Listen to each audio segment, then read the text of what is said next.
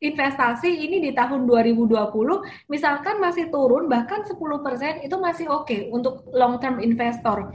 Tantangannya jika mau jadi long term investor buat investor pemula adalah harus siap dengan floating loss. Kalau trader, trader itu dia harus siap dengan yang namanya cut loss.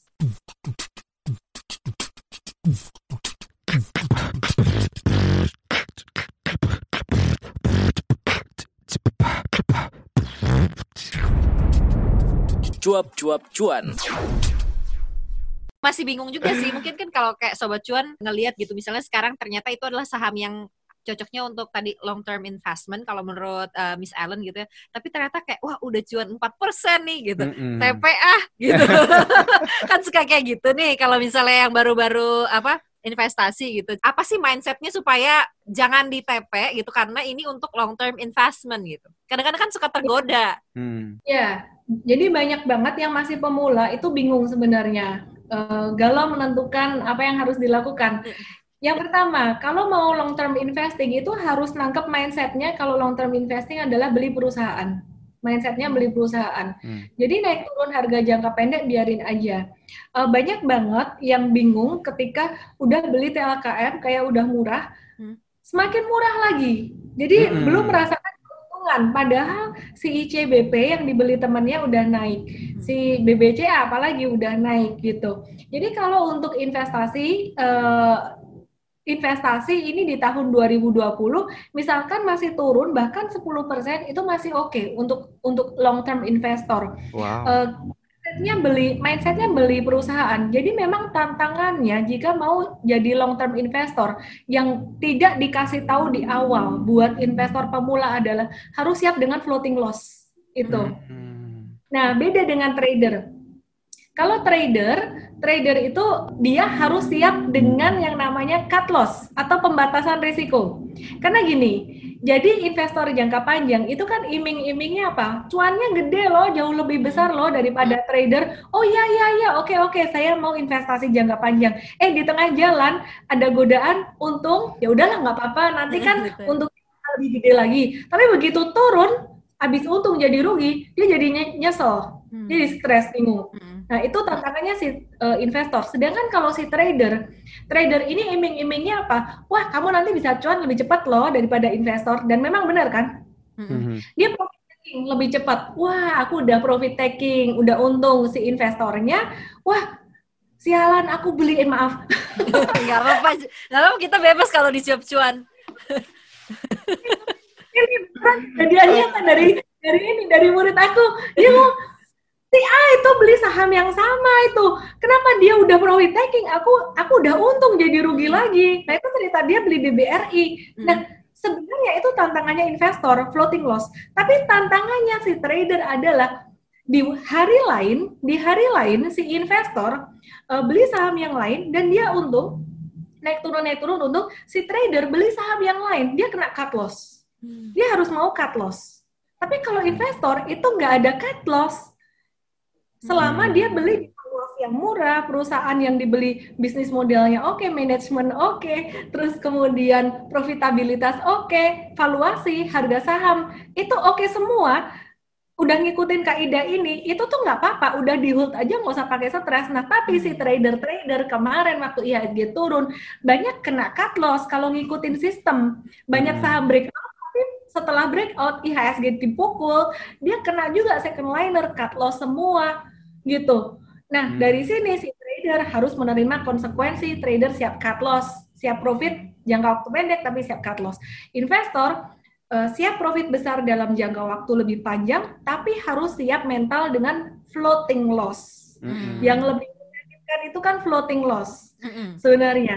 Jadi nggak rugi tapi nggak tahu mau gimana teman-teman yang masih pemula. Sampai keluar sampai keluar quotes gini nih teman-teman pemula tuh ngomongnya uh, yang beli saham Telkom itu adalah calon menantu idaman karena dia sabar sekali. iya, ditungguin ini udah emang udah berapa ini berapa minggu nih enggak? Iya benar-benar.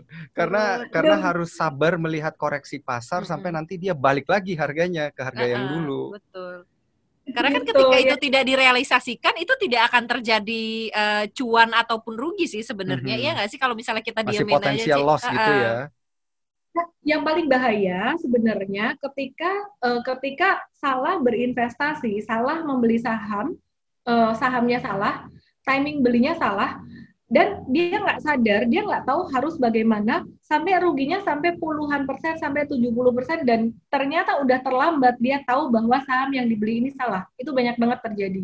Hmm. Maka Hmm. dari itu tadi saya kasih pilihan saham itu sangat sempit sekali cuma 12 saham buat long term investing uh, udah memenuhi yang pertama bisnis modelnya pangsa pasarnya harus dibutuhkan oleh masyarakat banyak dan bisnis modelnya harus yang defensif. Defensif itu artinya uh, dia nggak terganggu meskipun krisis atau apa. Kemudian yang kedua uh, manajemen itu harus good corporate governance dan berinovasi terus. Kenapa saya suka ICBP? Karena dia inovatif meskipun Hmm. Uh, ini ya kontroversial dia berinovasinya gitu. Hmm. Nah kemudian yang ketiga uh, profitability harus dilihat secara bertahun-tahun 5 bahkan sampai 10 tahun. Uh, dia punya net profit margin itu sustainable arahnya naik atau malah arahnya turun atau dia nggak ke mana-mana. Nah si ICBP ini kan dia uh, kemarin semester semester 1 pada kuartal 2 ini dia labanya naik sampai 30 persen dan itu sangat jarang sekali terjadi. Kenapa? Hmm. Eh, yang lain di COVID-19 malah turun gitu. Makanya dia mentereng aja nih. Yang lain Hmm. turun, ICBP nggak turun. Ini menunjukkan psikologi investor yang pegang ICBP. Mereka tahu ini bagus, nggak mau ngelepas sahamnya gitu. Hmm. Kemudian yang keempat, yang terakhir ini eh, bicara tentang valuasi. Nah baru setelah tahu me- eh, tahu bisnis model bagus, manajemen bagus, kemudian profitabilitas bagus, yang terakhir kita nunggu saham ini kapan sih terdiskon. Nah kalau yang blue chip blue chip bagus-bagus tadi terdiskon itu sekitar lima tahun sekali, 10 tahun sekali. BCA Wow. turun 40 itu terakhir 2008, yang kedua 2020 ini. Hmm. Gitu. Tapi kalau Waduh, nyesel ya nggak ngambil berarti. nanti September Oktober ini bakalan ada diskon lagi kok. Jadi kalau Oke. ini banyak Iya, banyak orang yang marah-marah ini gara-gara Anis nih, ARB apa? Anis reject bawah. Saya. Terus PSBB eh, penurunan saham besar-besaran harusnya berterima kasih loh. Kenapa? Karena dengan dengan adanya sentimen ini bisa dapat eh, saham-saham Sultan tadi di harga dan valuasi terdiskon. Which is kesempatannya langka banget. Kemarin Maret itu orang-orang nggak nyangka bahwa market akan recover secepat itu. Hmm. Mhm. Sehingga kalau sampai dikasih kesempatan kedua kali ini, ini dimanfaatkan dengan sebaik mungkin. Tadi saya juga beli lagi, ada BCA, BRI, saya beli lagi. Hmm. Tapi kemudian naikkan, saya merasa kayak kurang banyak gitu belinya. Nanti kalau turun lagi saya menunggu-nunggu di support-support di bawahnya. Kalau turun lagi aku mau ah gitu. Ini kita balik lagi Ci, ke eh, valuasi dan juga tadi kan valuasi itu adalah tahapan yang keempat sendiri gitu. Tapi kalau perusahaannya memang udah bagus, nggak usah banyak eh, pusing-pusing lagi buat valuasinya. Begitu dia terdiskon langsung dibeli kan Mhm. begitu ya? Hmm, jadi pokoknya harus lewat eh, filteringnya itu urut bisnis model dulu, Mm-mm. kemudian eh, manajemen profitabilitas. Nah ini, aku eh, ngikutin cara Warren Buffett, Philip Fisher dan Charlie Munger itu mereka mix antara growth investing dengan eh, value investing Mhm. ya. Jadi harus lewat tahapan itu karena banyak orang yang langsung menuju ke valuasinya, yaitu menurutku agak-agak riskan. Nah, Hmm. kemudian kalau kita ngelihat perusahaan-perusahaan yang growth-nya itu udah gitu-gitu aja, maksudnya udah nggak growth lagi, kayaknya udah mentok nih eh, pertumbuhan kinerja keuangannya, kinerja labanya ya udah segitu-segitu aja gitu, Miss. Nah, itu apakah sebaiknya jadi pilihan kita untuk kita koleksi dikit-dikit atau kita nunggu aja dia diskon gitu? Hmm. Kalau growth-nya segitu-segitu aja. Kalau misalkan eh, kita urutkan lagi ya yang pertama ya, seandainya bisnis model dia tidak ya, eh, ternyata bisnis model dia nggak nggak bagus lagi dalam arti misalkan kena kena disrupsi dari eh, perkembangan teknologi atau Mhm. apa atau manajemen nggak inovatif, kemudian growth dari profitability nggak gitu bagus ya udah Mhm. jangan diinvestasi. Eh, Hmm. itu waktunya keluar. Sekarang kan banyak orang yang nanya, nah, gimana sih caranya exit buat investor? Exit Mhm. strateginya tuh gimana?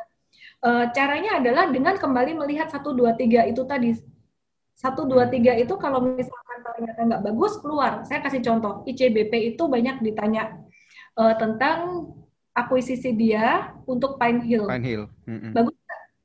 Karena valuasi Pine Hill mahal dan dia belinya juga pakai utang 90 persen. Apakah itu akan menjadi beban perusahaan ke depan? Kemampuan dia bayar utang gimana?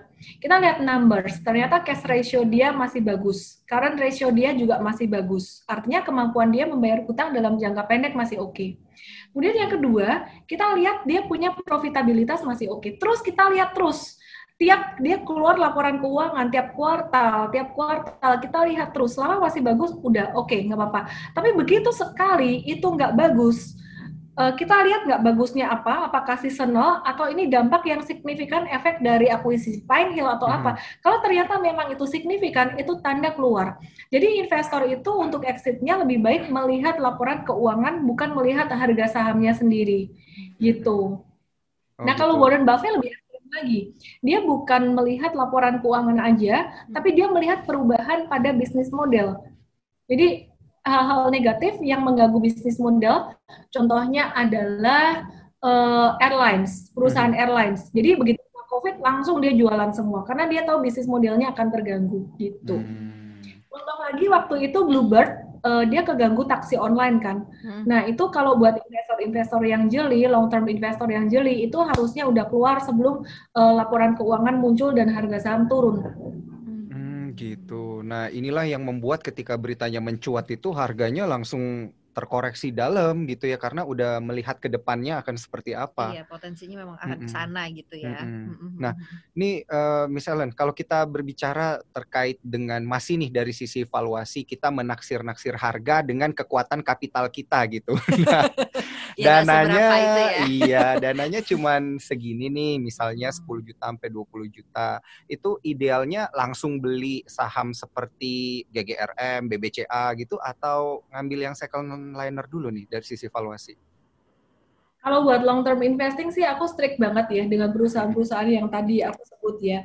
Karena uh, kalau kita maksain beli yang nominalnya kecil banget, nanti hmm. takutnya dapat perusahaan yang juga nggak kuat buat long term investing gitu. Maksudnya takutnya nanti di tengah jalan terjadi sesuatu, harga naik turun, uh, nggak nggak stabil, nah itu itu yang sangat berisiko sekali.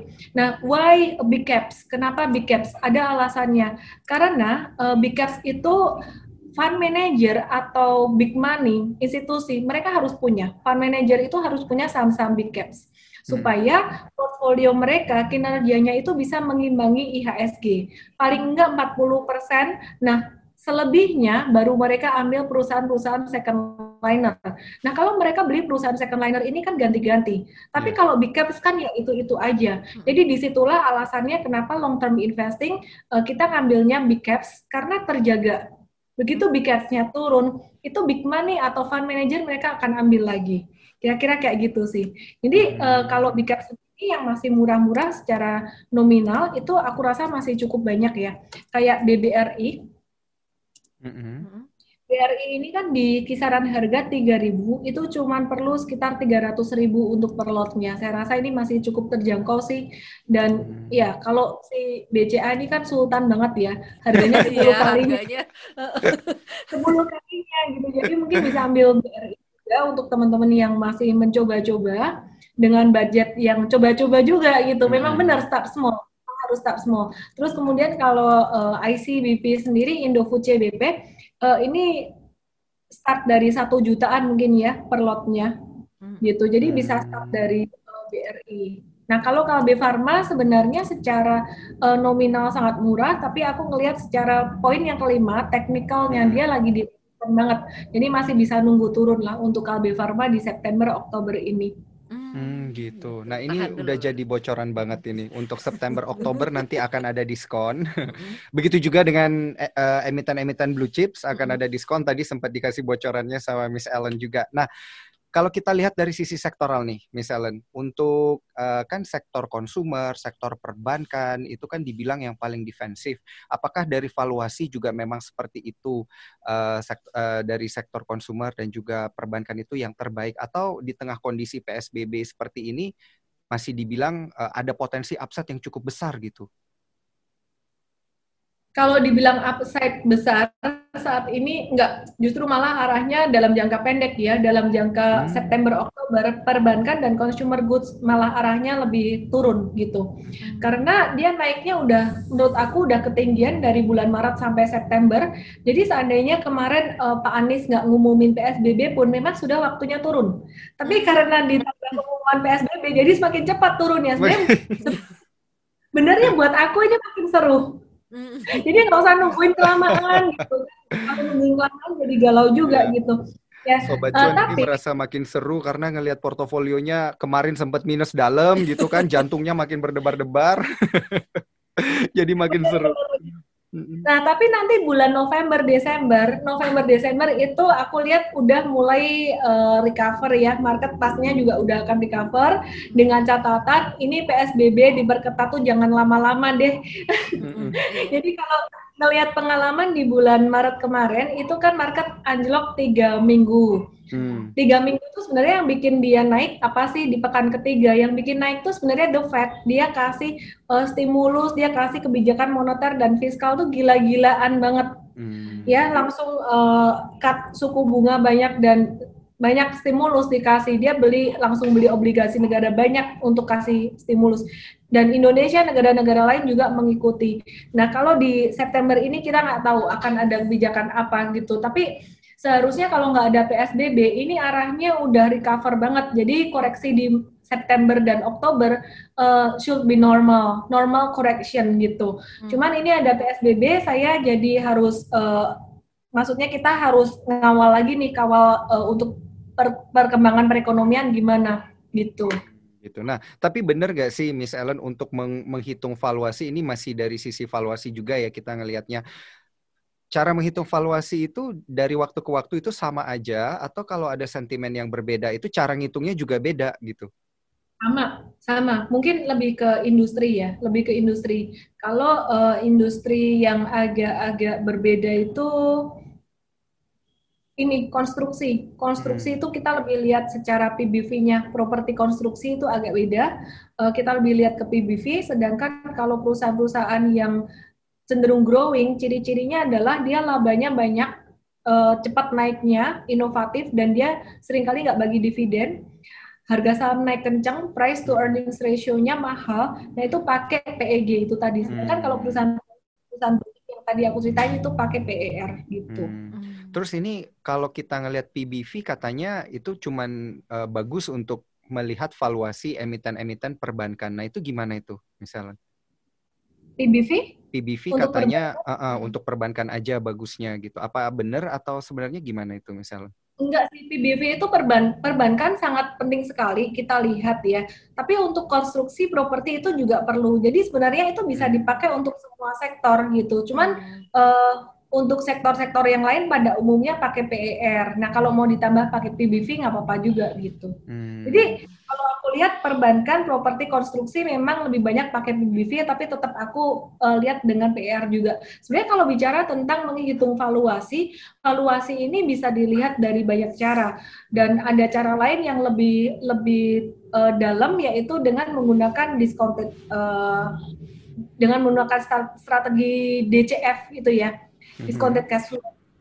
Um, cuman nggak perlu sampai sedalam itu ya, karena valuasi ini bukan segalanya. Jadi banyak investor yang masih semua tuh nyarinya valuasi murah, valuasi murah. Padahal sebenarnya yang dibikin, dipikirkan oleh investor-investor besar, mereka yang udah berhasil.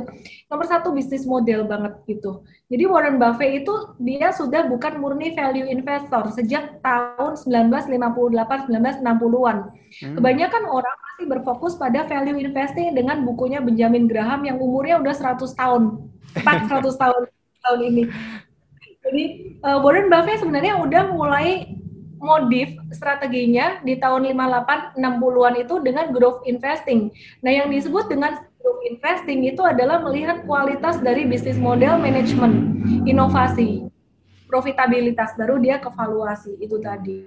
Iya. Berarti kesimpulannya tadi valuasi bukan segalanya gitu ya, karena memang kita masih bisa memodifikasi itu dengan ngelihat dari berbagai sisi dan juga harus ngelihat momentumnya gitu ya. Betul, ya. intinya sih hmm. harus pinter cari informasi gitu, harus menggali lagi dan harus tahu nih uh, mau tujuannya apa, yang dibeli apa Mhm. gitu. Jangan cuma kemakan kayak wah ini lagi turun lagi murah beli.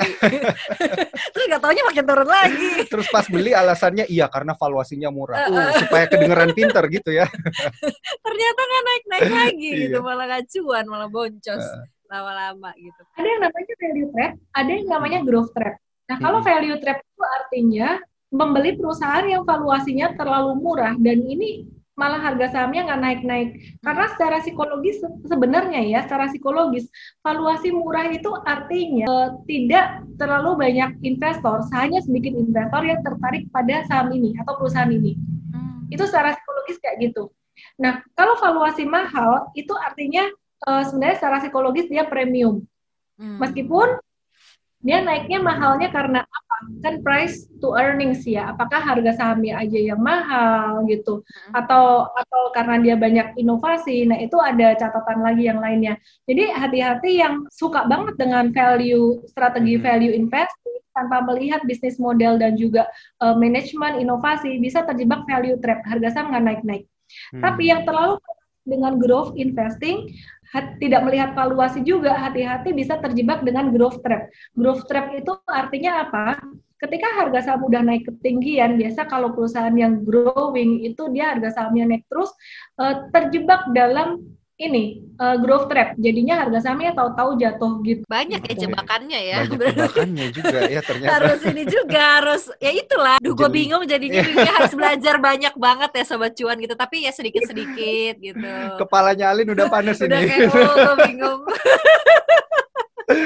Tapi itu ya, Iya, jangan iya, jangan iya. jangan yang penting jangan kena val- value trap sama growth trapnya itu Mm-mm. dan itu clue-nya udah jelas banget dijelasin sama Miss Ellen karena kondisinya juga berubah-ubah dan susunannya juga udah lengkap tadi.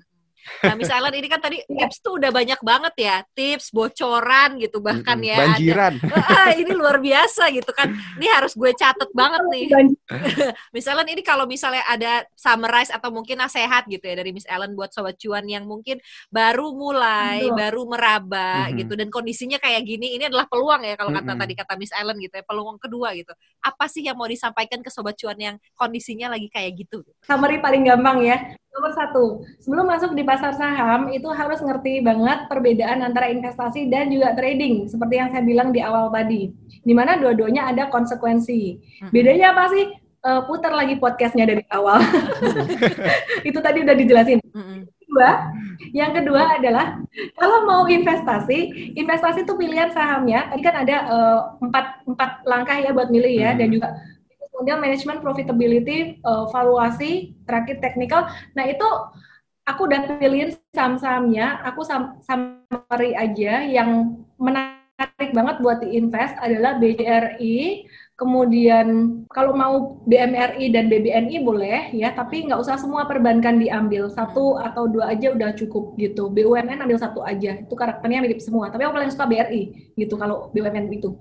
Nah kemudian kalau untuk consumer goods, aku paling suka ICBP instead of Indofood karena Indofood ini dia eh, bisnisnya terlalu wide banget dan dia ada di dalamnya ada bisnis komoditas. Nah itu aku nggak terlalu suka buat investasi karena cyclical.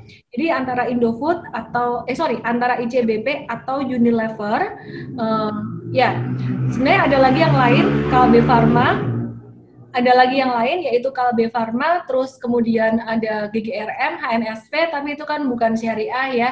Jadi mungkin teman-teman bisa eh, pilih ICBP aja balik-balik lagi ke situ gitu. Jadi jadi biar Mbak ini semakin ada aku jual gitu. Oke. Sahamnya udah dipilihin nih teman-teman. Nah, tinggal manfaatin momen aja. Momennya kalau September, Oktober ini, ini ada diskon lagi. Itu manfaatin buat nyicil beli. Nah, poin yang ketiga yang penting banget adalah uh, cash is the king.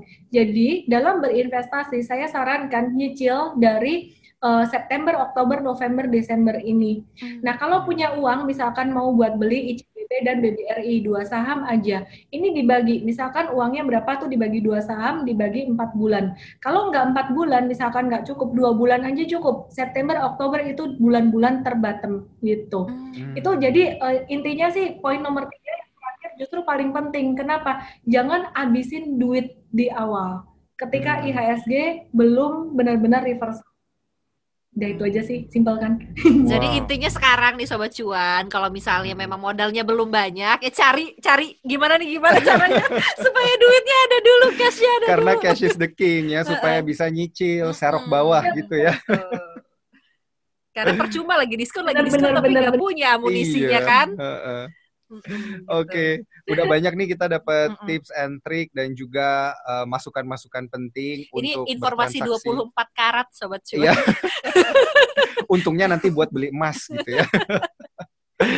Kasih Iya. banyak ya Miss Ellen atas waktunya. Ini uh, sharing-sharing sama sobat cuan banyak banget informasi yang menginspirasi Mhm. dan informatif, praktikal bisa Mm-mm. dilakukan langsung sama coba Dan sobat akan cuan. segera saya amalkan. Berarti September Oktober ini ini ya apa kumpul-kumpulin duit dulu lah ya buat nabung nanti buat beli buat nyicil Mm-mm, gitu buat buat, nyicil nyicil, gitu. Nah, terima kasih banyak Miss Ellen buat waktunya. Sukses selalu buat Miss Ellen dan juga Ellen May Institute dan semua rekan-rekan yang uh, tergabung di Ellen May Institute juga. Semoga cuan terus. Salam profit. Salam profit. Salam cuan. Makasih Miss Ellen. Makasih Miss Ellen. Dan